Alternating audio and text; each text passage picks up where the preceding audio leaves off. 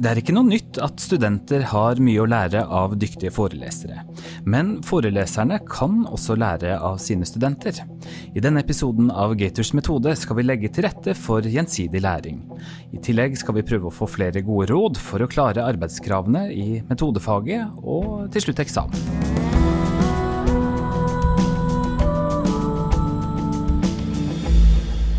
Øystein Solvang, Kristine Strøm, Camilla Bratland og Markus Buch, velkommen tilbake til Gators metode. Takk for det. Tusen takk.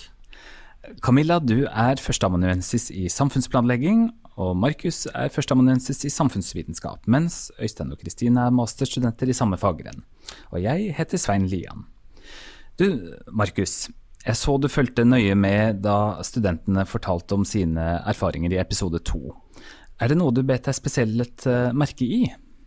Bare det at eh, det var helt i overensstemmelse med det som eh, vi generelt har eh, samlet opp av erfaring over 20-30 år når det gjelder metodefag. Det som vi pleier å si, man lærer så lenge man har elever. Og læringen der var at de har tenkt akkurat sånn som vi gjør. Metodefaget er et eget språk. Det er det første man må forstå. Et internasjonalt språk, så der er det en del pugg, akkurat som å pugge ord og grammatikk når man skal lære seg et språk.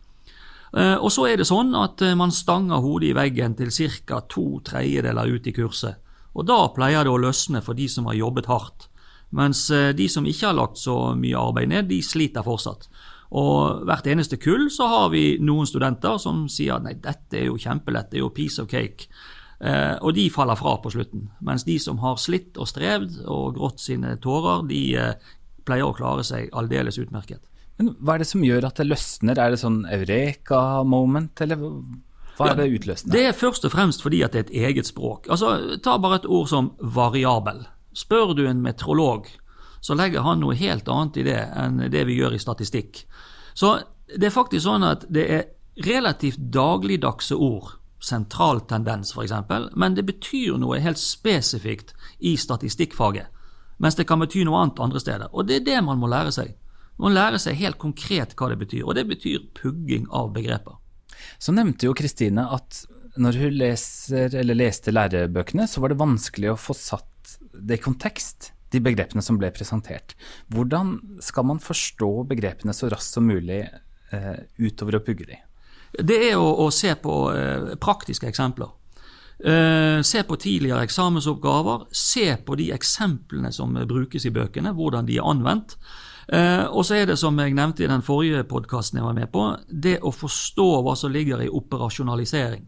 Slik at man tar et utsagn eller en påstand som står i en avis, f.eks. som vi nevnte, at ja, Søring-karantenen det har vært et godt og effektivt tiltak. Det finnes der massevis av oppslag i Nordlys og Tromsø og andre aviser. Og så er spørsmålet da jaha, eh, her har vi en påstand. Hva skal jeg gjøre for å finne ut om den påstanden holder vann eller ikke? Ja, da må jeg operasjonalisere dette med tiltak. Hva var det? Jo, det var slik at noen kommuner innførte at hvis du kom reisende utenifra fra Sør-Norge, så skulle du rett i to ukers karantene hjemme og ikke bevege deg ute blant folk. Og så må vi se på hva, hva skal vi eh, ha som effekt her. Hva er effektmålet? Jo, det er da antall smittetilfeller. Og Så setter man de sammen, og da kaller man det ene for en avhengig variabel, det andre for en uavhengig variabel, og så finner man en eller annen analyseteknikk for å kunne si om eh, karantenen har hatt en effekt. Og Det vi da ser, er at den har tilsynelatende en effekt, men så må vi som gode forskere da trekke inn en del kontrollvariabler, som vi kaller det, og da forsvinner den effekten.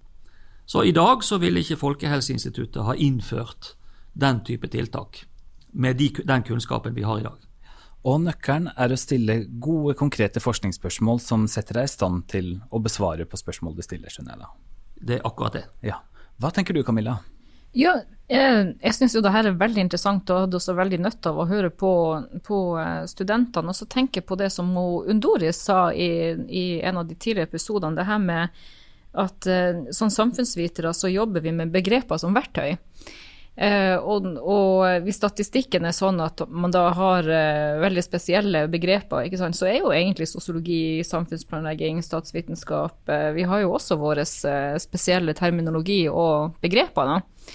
Og, og, da tenker jeg egentlig på det som, det som jeg har hatt veldig nytte av når jeg skal skrive en oppgave eller en rapport.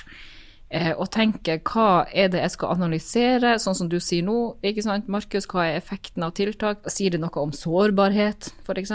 Sier det noe om risiko? Sier det noe om eh, eh, globalisering. Altså kunne liksom ha et sånn ytre teoretisk skall også utenpå den der eh, Det som jeg kanskje vil kalle en sånn kjerneundersøkelse, da, som du gjør med, med statistikken. Ja. ja, for ellers så kan det bli veldig teknisk. Ja, altså som litt mer kvalitativt orientert samfunnsviter, så, så syns jeg ofte at det kan bli litt, eh, litt teknisk, ja. Er det noe ved metodefaget som gjør det spesielt krevende for samfunnsvitere? Altså, la oss si at man eh, sammenligner med studenter fra, fra andre fakultet? Ja, det er helt klart. Eh, samfunnsvitere er ikke vant til å tenke matematisk. Altså, Matematikk er et internasjonalt språk. Vi har valgt et eh, titallssystem som vi bruker over hele verden. Og folk som er eh, matematisk anlagt, de trenger bare å se en formel for øyeblikkelig å skjønne hva den uttrykker. Mens eh, samfunnsvitere eh, stort sett har mye større nytte av å lære seg å si ting med ord. F.eks. sånn som eh, eh, standardavvik, f.eks. Å lære seg å si at det er det gjennomsnittlige avviket fra gjennomsnittet. Og så kan man også si hvordan man regner seg frem til det med ord, eh, istedenfor bare å se på en formel. Og det samme gjelder eh, eh, statistiske tester, T-tester og sånne ting. Eh, det å lære seg å uttrykke det med ord, det er en kjempefordel. Både for seg sjøl og overfor andre. Og hvordan skal man lære seg å uttrykke det med ord? Skal man snakke om det over en øl, eller skal, hva anbefaler du der? Alt mulig, men eh, jeg pleier ofte i undervisning at vi rett og slett tar det i plenum. Alle som sitter der sier det sammen som en regle. Det, jo mer man gjør det, jo, jo mer sitter det i hodet. Gir det mening, Øystein? Ja, absolutt. Og så er det jo en måte viktig å tenke på at uh, statistikk her er jo et, et eget fag som, som, vi henter elementer fra. Men vi skal jo ikke bli statistikere, alle sammen. Så det er viktig å, å, å, uh, å tilnærme seg det på en måte, som, hvor det er relevant for, for ens egen fagretning. Og, og det, det, eksempelet med markedsbruk er, er jo en, en måte å gjøre det på. Hvis dere skulle gitt eh, noen gode råd til, til, de som leder kursene, hva ønsker dere sett fra, fra studentenes ståsted? Hva, hvordan kan man legge det best til rette for at dere skal lære godt og grundig? Uh, det kan kanskje høres litt kritisk ut til uh, ja, forelesere og Men det har egentlig med at jeg tror av og til at det kanskje blir tatt for gitt at det her burde vi forstå, eller det her ja, det tenker jeg at de kan fra før av. Eh, men så er det veldig mange som faktisk er utrolig ukomfortable i situasjonen, både med tall og statistikk, og kanskje egentlig ikke har vært så særlig mye borte i det før. Og eh, kanskje man har vært borte i det før i forhold til at du har sett en eh, graf, f.eks. Men å forstå hva du ser, er noe helt annet enn å ha kjørt eller regna ut noe, eh, tenker jeg da. Så eh, litt det at det som kanskje blir tatt for gitt for dem, er ikke en selvfølge for studentene i det hele tatt. Eh, så for å ikke demotivere, for jeg tenker at å holde motivasjonen oppe blir utrolig viktig i et sånt fag, så for å ikke demotivere, så tror jeg det å liksom tillate å si eh, og høy, ta høyde for at OK, det er ikke alle som er like komfortable på dette, eh, det tror jeg er veldig viktig. En mykere start, altså? Ja, rett og slett. Også særlig, jeg tror helt i begynnelsen så kan man gjøre det mer teknisk etter hvert, men det å, som jeg sa i forrige episode, at det å bryte det ned og fordumme det veldig mye, det tror jeg er viktig, eh, sånn at folk føler at de i hvert fall henger med litt i starten. Eh, for det er jo normalt at du kanskje faller litt ut, eller det er ikke alt du forstår, men få, hvis du får det møtet første gang, så tror jeg det blir veldig ubehagelig, da. Eh, og da gjør det også vanskeligere å stille spørsmål, f.eks. Og det er de gode spørsmålene man trenger. Så eh, det tror jeg kanskje er, min, er mitt innspill til det. Ja. ja kjempeinteressant. Og, og, i forrige epis eller i denne episoden med studentene så hørte vi jo også det her at Øystein etterlyser still mer spørsmål. ikke sant? Og det er jo sånn som du sier da, at kanskje tør du ikke helt å, å stille de her spørsmålene. Men det, det jeg kanskje syns som, som og kan være en god strategi, det er jo faktisk at man lærer faktisk sjøl mye av å lære bort. Ja. Eh, og, og, og, liksom forklare til andre. sånn at det der å gi oppgaver til studenter som holder en presentasjon eller forklarer det her eh, bare sånn veldig kort, det kan jo kanskje være et tips. Men det er jo, akkurat dette kurset er jo på, på veldig tidlig i bachelorløpet, og da kan det kanskje være litt skummelt med veldig mange studenter, eh, eller i, til og med i seminargruppe. Og så er vi jo nå i en, en situasjon hvor vi har veldig mye digital undervisning, hvor terskelen kanskje blir enda større for å, å liksom ta ordet og holde presentasjoner. Så eh, det der kan være en utfordring. Men det er da jeg lurer på, Øystein, du har jo faktisk eh, liksom gått den gangen fra å liksom først lære, og så nå din posisjon hvor du lærer bort, og nå også bidrar til å utvikle. Hvordan syns du det der liksom har Har du lært mer av å lære bort? Absolutt. Jeg har lært veldig mye av å lære bort. Eh, og det var jo en det var en, en, reise for meg å, å uh, skulle være seminarleder i faget. Det var jo et halvt år etter at jeg hadde det sjøl. Men eh, da jeg eh, skulle begynne å, å forklare disse konseptene videre til, til andre, så, så, innså jeg at det var noen hull, f.eks., i min forståelse av, av enkelte fenomen. Så det, det, det hjalp meg, meg, veldig mye i, i å få en, en dypere forståelse for Eh, for faget, absolutt. Så det dere egentlig sier, er at det kan være klokt å ha en aktiv tilnærming til, til, faget sånn sett, og ikke bare sitte som passive tilhørere under en forelesning og notere og la verden gå videre. Er det riktig oppfatta? Ja. Absolutt. Ja, jeg har et helt konkret råd, og det er rett og slett at studentene finner sammen i små grupper på fem og seks og danner en såkalt kollokvie. Og så lærer man seg til å, å fortelle til hverandre hvordan man har forstått de ulike tingene. Eh, det som er litt vanskelig når man står og foreleser og der er 150 studenter eh, til stede i salen, det er å vite hvor skoen trykker. Så man hele tiden må spørre seminarlederne eh, hvor er det det lugger, hvor er problemet, sånn at man forsøker å justere forelesningene og gå over igjen sånne ting. Og Da er det visse sånne her læringssteg. Det aller viktigste først. Hvis studentene forstår hva er en enhet, hva er en verdi og hva er en variabel, da har man klart første steg. Og så man kan ta en tekst, en avis eller hva som helst, og peke på hva er enhetene i dette utsagnet i avisen, i denne ingressen, hva er variablene, og hva er enhetene. Hva dreier det seg om? Når det er forstått, så kan man på en måte gå et hakk videre. Men det er ikke så lett for den som står og underviser med alle de i salen, å vite om la oss si 90% For det er ikke alle som, som lærer det uansett. Det er faktisk et fag hvor vi skreller av ca. en femtedel av studentene. Altså Det som skiller samfunnsfag fra humaniorafag, er akkurat dette med metode. Uh, og det er sånn at det er noen som ikke kommer forbi den bøygen, og heller bør velge seg et annet studium på universitetet. Men det der å kunne vite liksom, hvor ligger flesteparten nå, er dette forstått? For vi vet jo hvis man spør ute i salen, så er det la oss si, fire eller fem som alltid tar ordet og dominerer. Og de er jo ikke representative for resten. sant?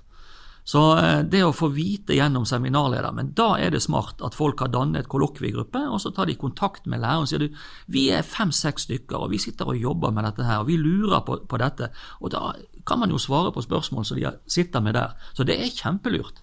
Da på en måte har man brukket det ned til håndterlige størrelser. Ja, det er noe med å hjelpe hverandre sånn sett, altså. Hm, veldig smart. Um, altså Studier er jo alltid i utvikling. da. Hvilken, hvilken retning utvikler studiet seg nå, og undervisningsformen som dere legger opp til? Ja, altså, vi skal snakke for metodefaget sin del, så har det vært en eh, kjempestor utvikling eh, gjennom tid, over tid. Eh, da jeg sjøl studerte dette ved Universitetet i Bergen, så gjorde vi alt for hånd. Vi regnet ut alle ting for hånd. Vi hadde ikke noen datamaskiner til å gjøre det. Så vi regnet ut alle koeffisienter, vi regnet ut regresjonskoeffisienter, alt mulig, for hånd. Og eh, da jeg begynte her å undervise, så hadde eh, det akkurat kommet eh, noen små datapakker. Dette het NSD Stat, så gjorde det at maskinene kunne gjøre det arbeidet. Men da måtte man legge om undervisningen. fordi at det er helt klart at når man regner gjennom noe for hånd, så får du en grundig forståelse av hvordan ting henger sammen. Når maskinen gjør det, så må vi legge mye, mye større vekt på tolkningen. Hva kommer inn, og hva kommer ut på den andre siden. Og så har jo utviklingen eh, gått sånn at vi har fått eh, større og større regnekapasitet. Nå kan vi gjøre analyser som var helt umulige å gjøre for 20-30 år tilbake. Og Det vil si at vi kan gjøre mye mer avanserte analyser. Men da blir det jo desto viktigere å, å, å undervise i det som er konteksten rundt det. Et veldig viktig begrep i metode er tolkning. Og Det betyr jo egentlig bare å oversette, akkurat som vi, når vi oversetter fra spansk til norsk. Du oversetter fra metodespråket til et hverdagslig språk, sånn at bestemor og bestefar skal forstå hva man holder på med. Og Da må vi legge mye større vekt på det.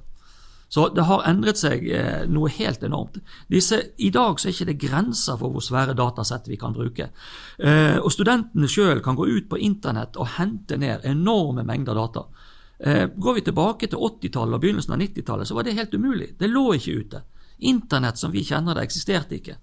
Så Dermed så har metodefaget endret seg noe helt enormt. Vi har fått tilgang til enorme mengder opplysninger, og vi må nå være mye, mye mer kritisk til de datamaterialene vi får tak i.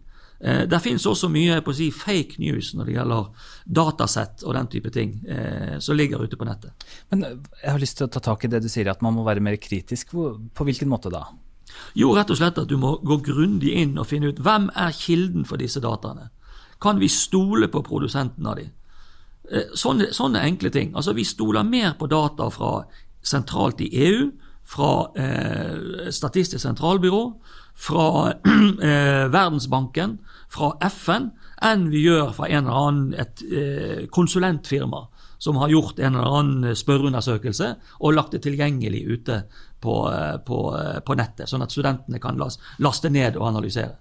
Så åpenbart er det at vi må være mye mer såkalt kildekritisk. Kritisk til de dataene vi putter inn. Og Et eksempel på det fra det datasettet som, som, eh, som studentene har Eh, tilgang til, er jo denne variabelen som heter urbanitet, som ligger i landåsetet. Og hvis de går inn i kodeboken og, og, ser på hvordan den er målt, og hvor den informasjonen stammer fra, så viser det seg jo at der er det hvert enkelt land, altså 199 land, hvor hvert enkelt lands statistikkbyrå, tilsvarende SSB i Norge, har rapportert hvor stor andel av befolkninga i det landet bor eh, i byer, i urbane strøk. Men de vil også se at definisjonen av urbane strøk varierer fra land til land. Så du har ikke da bare et spørsmål av om du stoler på eh, Statistisk sentralbyrå i Angola, men du har også et spørsmål om du er sikker på at Statistisk sentralbyrå i, i Angola og i, i, Eritrea har samme definisjon av urban. Nei, bare for å bygge videre på det du sier nå, at eh, eh det kan variere definisjonen som blir brukt, er f.eks. i det datasettet jeg selv brukte, så hadde vi en variabel som heter helse. Og helse, hva er egentlig det? Det kan være ganske mye. Eh, og når man da går inn f.eks. i kodeboka, sånn som man også kan gjøre i det datasettet som er til studentene, så får du en definisjon på ok, hva er det som egentlig innebærer i det her. Eh, og det å forstå at å ja, ok, det er det vi egentlig sitter og måler, det er veldig greit, og det tror jeg også, kan være viktig da i den forståelsen igjen av hva, hva er formålet, og hvorfor bruker jeg akkurat dette. Og så ser du hva du faktisk måler. Ja, eh, her må jeg si noen ting. Eh, Markus, du nevnte det her med humaniora, og der vil jeg kanskje arrestere deg litt. at eh, ja da, altså klart samfunnsvitenskapene skiller seg ut med metoden, men humaniora har jo sin styrke igjen akkurat på kildekritikk og, og liksom denne tradisjonen for å studere hvordan et dokument blir til, hvordan en kilde blir til, og, og kunne undersøke den kilden i sin kontekst. ikke sant? Så vi må jo ikke glemme også at det her datasettet er jo produsert i en veldig spesiell kontekst. Vi er i en pandemi, kanskje vil det datasettet miste sin relevans totalt om, om eh, noen få år. sånn at eh, og, og, og, det er liksom lagd fra et spesielt perspektiv, men, men vi ønsker jo å tro ikke sant, at det her er et datasett som er representativt for norske kommuner og for, og for verden der ute. da. Uh, og så En ting som vi kanskje vil eh, kommentere akkurat når det gjelder liksom veien videre for, for, uh, for, faget, det er jo akkurat det som, som Markus sier, det her med altså, utrolige mengder data. Og da tenker jeg at det her med uh, som vi har vært inne på verktøy, ikke sant. RR Studio, jeg har vært inne på GIS. Altså det virke, kan jo virke som at det her å lære seg programvare er liksom noe man bare gjør nå. Jeg vet ikke hvor mange nye programmer jeg har lært meg de siste årene, og det, det blir jo bare flere og flere av dem. Og så blir det også lettere og lettere. Altså det, du utvikler jo etter hvert sånne såkalte transferability skills, ikke sant. At du liksom lærer av ett program, og så blir det lettere å lære det neste. Sånn at, og da tror jeg igjen, sånn som du sier, eh, Markus og dere, at eh, det her med å da kunne de grunnleggende analyseteknikkene og liksom kunne det grunnleggende, det, da vil du komme veldig langt med det å liksom kunne putte data inn i ulike programmer. Om du vil visualisere det som en graf eller en tabell eller som et kart. Det, det, vil kanskje i framtida være mye enklere å kunne gjøre de, de koblingene, men da må du kunne det her med å ja, samle inn, analysere, Eh, tenke ut hva skal du representere i, i undersøkelsen din, da. I hvilken grad er, er det en mulighet for at datasett eh, er et resultat av politiske ambisjoner og ønsker? Faktisk så er alle datasett et resultat av politiske ambisjoner og ønsker. Statistikk betyr egentlig statens oversikt over sitt øre. Statistikk var noe sånn som eh, de gamle summererne drev på med for å kunne vite hvor mye de hadde i kornlagrene sine. Og De hadde en offisiell statistiker som målte dette, og la inn sånne ting som eh, svinn, eh, rotter, hva de spiste, og mus stakk av med osv. Og, så og nådde den statistiker som bommet. Da mistet de hodet, for da ble det sult. Så ja. dette her, altså Statistikk betyr akkurat det. Og det er det som er det, det spesifikke med samfunnsvitenskapelig metode, at eh, samfunnsvitere skal beherske den type statistikk. Vi skal ikke bli statistikere, vi skal ikke bli matematikere, men eh, eh, som en del av den offentlige forvaltningen så må man beherske eh, det verktøyet. Ja, og det er jo helt klart en av de, de sterkeste verktøyene som, som, statlige myndigheter har for å utøve kontroll. Da. Og ikke sant, fra det her så kan vi jo også gå videre inn i å eh, se på statistikk som en sånn eh, altså Fra Foucault sine briller og begynne å tenke på makt og hvordan vi blir dominert av statistikk og, og eh, andre perspektiver. Så det er jo egentlig bare å, å eh, fortsette å, å ta det perspektivet videre.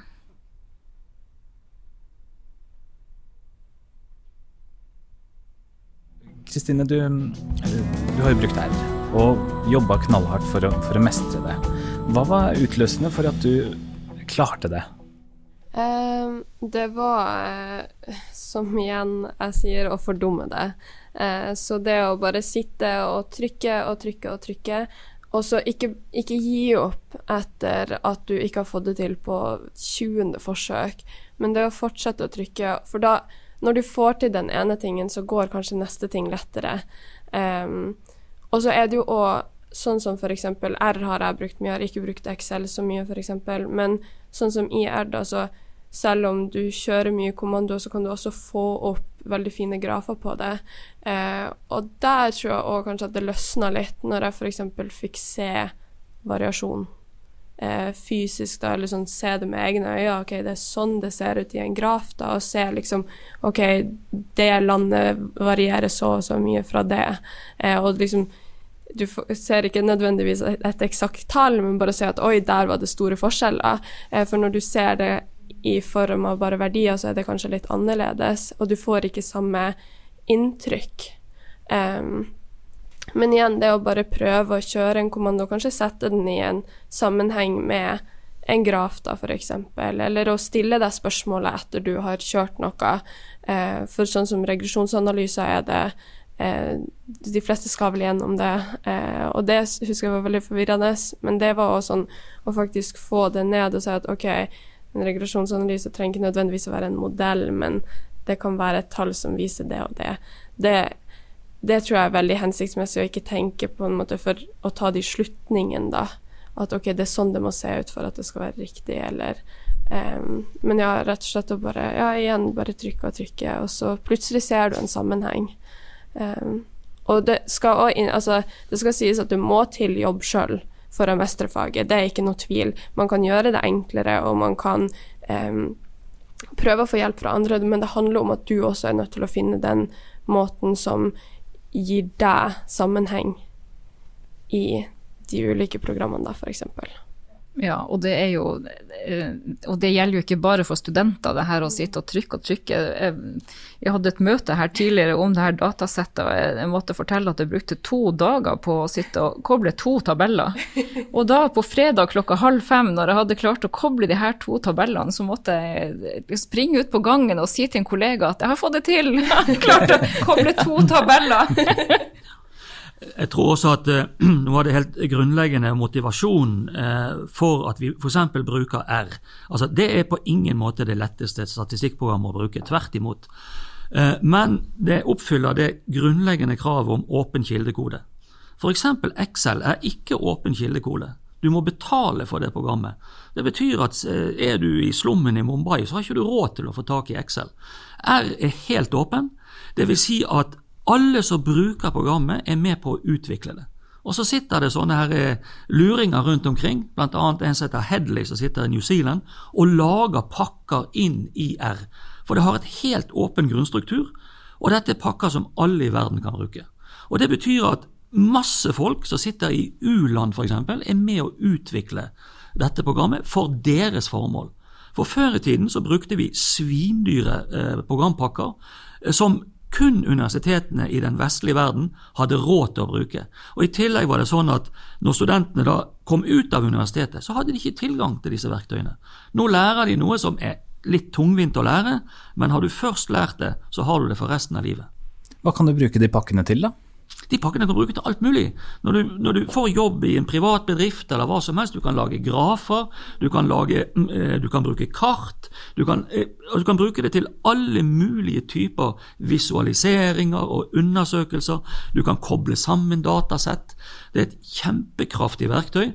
Og det brukes av alle mulige faggrener. Før i tiden så hadde vi liksom SPSS, det var utviklet for samfunnsvitenskapelig statistikk. Og så måtte medisinerne begynne å lære seg det, de syntes det var litt ulogisk. R brukes av absolutt alle, og det er alle vi som er brukere, som utvikler det samtidig. Uh, ja, altså bare i forhold til uh, R, da. Uh, med tanke på at den Altså, verktøyet kjører det du ber den om å kjøre. Så om du får feil, så er det ikke det at det ikke går an til å finne frem, eller noe sånt. Da er det mest sannsynlig at du ikke har kjørt en riktig kode før. Du har kanskje glemt Altså det kan være bare et mellomrom for mye, eller et komma som ikke skal være der. Så det å faktisk sette seg ned og se ok, hva er det jeg ber den om å gjøre, det er veldig viktig. Og det tror jeg også kan ja, relateres til andre eh, programmer også. Nå er det R jeg er best kjent med sjøl, men der vet jeg i hvert fall at den kjører det du ber den om. Så så lenge du skriver inn det du vil ha svar på, riktig, så får du det. Og så kan du jo begynne ok, vil jeg kjøre den videre eller ikke, men hvis du skriver det inn feil, så får du error. og eh, til å begynne med å, så brukte så så nok jeg så veldig mye på hva som egentlig sto i det erroret. Men der kan du òg finne ganske mye, og så plutselig får du riktig. Eh, fordi det var bare ett komma for mye, eller at den ikke finner akkurat den eh, variabelen du ber om. og sånn. Så det er også å se ok, hvorfor får jeg ikke til? Det tror jeg om man lærer veldig mye av. Um, så kanskje ja, i forhold til det med det å trykke, da, så er det at du vet at du ber den om noe, og den vil gjøre det. Det er jo et program. Og det er kanskje en viktig tanke man kan ha, akkurat som at vi snakker om at statistikk er et språk, eh, og at du må, du må bruke det språket, så er jo R et programmeringsspråk som, som har sine egen syntaks, sine egne gloser. Eh, skal ingen av oss bli informatikere, men vi må likevel forstå språket for å kunne kommunisere med, med R på en eh, adekvat måte. Og så skal vi ikke glemme det at eh, R har jo en veldig god eh, eh teksteditor, Markdown. Så du kan, du kan gjøre alt i R. Det er ikke bare statistikk og tall. Du kan lage fantastiske rapporter som du skriver ut, med en editor som er mye bedre enn Word, som vi bruker ellers, og som koster masse penger. Den her er helt gratis. Når du har vent deg til å bruke den, så kan alle kodene ligge skjult inne i dokumentet. Sånn at du med å trykke på en knapp, så kan du gjenskape alt du har gjort, og så kommer det ut som fantastiske grafer, tekst, tabeller. Og så kan du ta dette ut i HTML-format for å publisere på nettet, PDF eller hva du vil. Og igjen, det er helt gratis. Så er du en fattig stakkar med, et, med kjapt hode, så har du fri tilgang til det. Du trenger bare en enkel laptop. Det er det du må kjøpe. Og R kan du egentlig bruke til alt. Kan man levere bacheloroppgavene i R? Selvsagt. Det er de flotteste formaterte oppgavene. Det er de som er laget ved, ved å bruke markdown i R.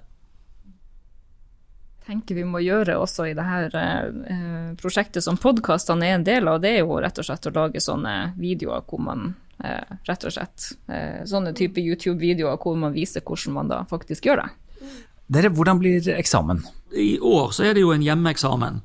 Uh, og, og, det skal jo da være tilgjengelig tidligere gitte hjemmeeksamener i, i, det som heter da SVF 1051, som er, kan på en måte ses som en slags mal. Men man vil også lære mye av å se på tidligere skoleeksamener.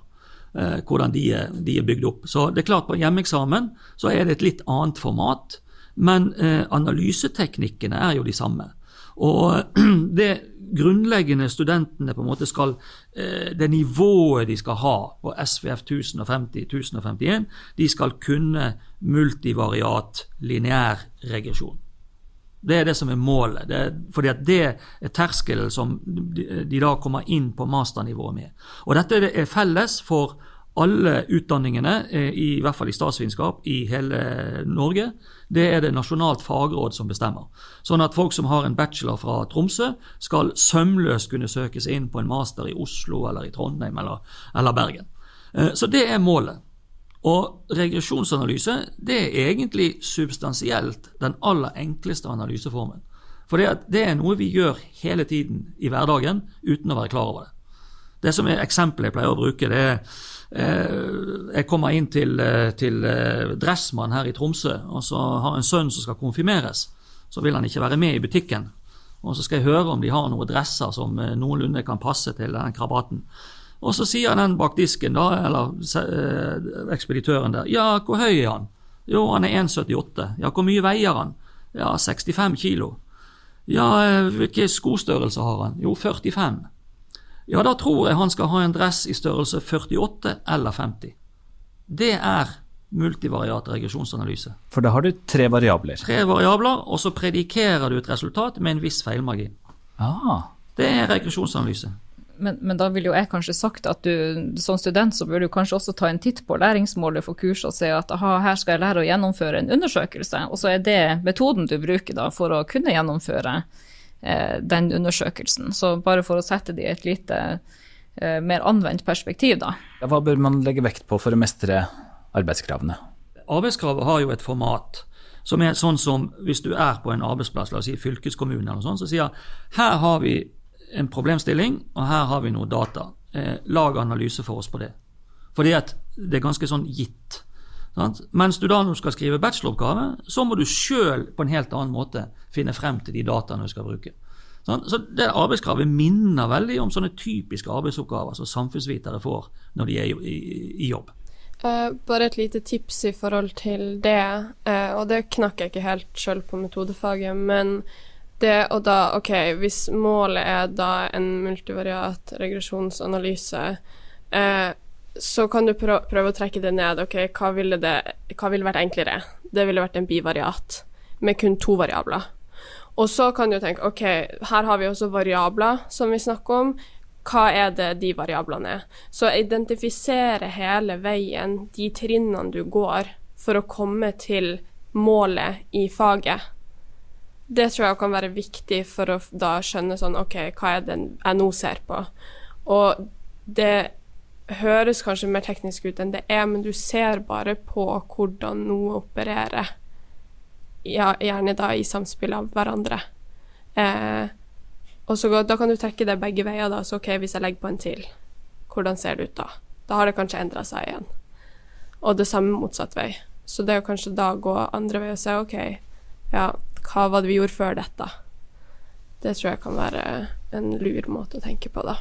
Dere skal vi avrunde med at uh, dere gir et konkret og godt tips til de heldige som nå tar metodefaget. Hvis dere skulle gitt deres beste tips, hva, hva ville det vært? Vi kan starte med Øystein. Mitt beste tips hmm, ville kanskje vært å ta en, eh, en bit av faget. En, en, eh, en type analyse, f.eks., som, som du eh, forsøker å lære deg, og eh, prøve å forklare det til en medstudent. Hvis du, eh, hvis du klarer det, så har du, har du skjønt det. Hvis du, eh, hvis du tror du har skjønt det, men egentlig ikke har gjort det, så vil du oppdage det. Ja, Det er litt i forlengelsen av det samme. Jeg ville ha diskutert med medstudenter hva begrepene egentlig betyr. Og Så ville jeg begynt med enheter, verdier og variable. Og så vet vi at de endrer seg med hvilken type data man har. Så på dette kurset nå så har de aggregerte datasett, dvs. Si det er knyttet til kommuner og land, ikke til personer. Og da vil enhetene være kommuner og land, mens man i andre eh, sammenhenger vil snakke om et individdatasett, og da vil eh, enhetene være individer. Og sitte og diskutere disse helt grunnleggende begrepene. Og så går man videre med mål for sentral tendens og spredning. Og Der finnes det ulike mål. Og så hele tiden diskutere begrepene, så man er sikker på at man, man vet hva de eh, betyr i metodefaget. Ned og bare jobbe fra det grunnleggende til det mer kanskje vanskeligere, da. Eh, det er nok veien jeg ville gått sjøl hvis jeg skulle gjort det helt på nytt. At hvis det er noe jeg ser blir vanskelig, så gå tilbake. Gå og se på hva du gjorde før, og så går du videre når du har forstått det. Og så bruker du de ressursene du har rundt deg, som fagbøker, eh, ja, venner, kollegaer, eh, og ikke minst forelesere og seminarledere. Ja, Google og YouTube. og Camilla? Ja, jeg ville prøvd å finne et eksempel eh, og anvende det her på som, som, som du syns er interessant. Eh, for som vi har vært litt inne på tidligere, å, å jobbe med irrelevante eksempler eller som du ikke ser helt relevansen av, det, det kan ta fra deg motivasjonen. Og klart du kan motiveres av, av, at jeg må bare klare arbeidskravet, jeg må bare klare eksamen, men du vil jo få litt ekstra hvis du sjøl klarer å, å, plukke ut en variabel som du syns er interessant, da, om det er STN-område, eller om det er eldre, eller om det er antall eh, tilfeller. Eh, og så se på det som en mulighet faktisk til å, til å bli god på kvantitativ metode. Øystein Solvang, Kristine Strøm, Camilla Bratland og Markus Buch, tusen takk for at dere var med i Gators metode.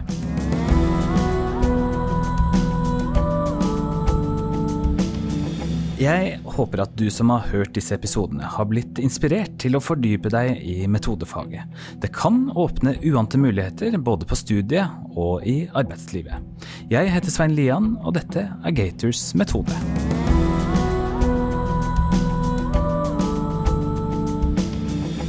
Gators metode er produsert for Institutt for samfunnsvitenskap ved Universitetet i Tromsø, Norges arktiske universitet, av Prosit Production i samarbeid med 1-til-1 Media.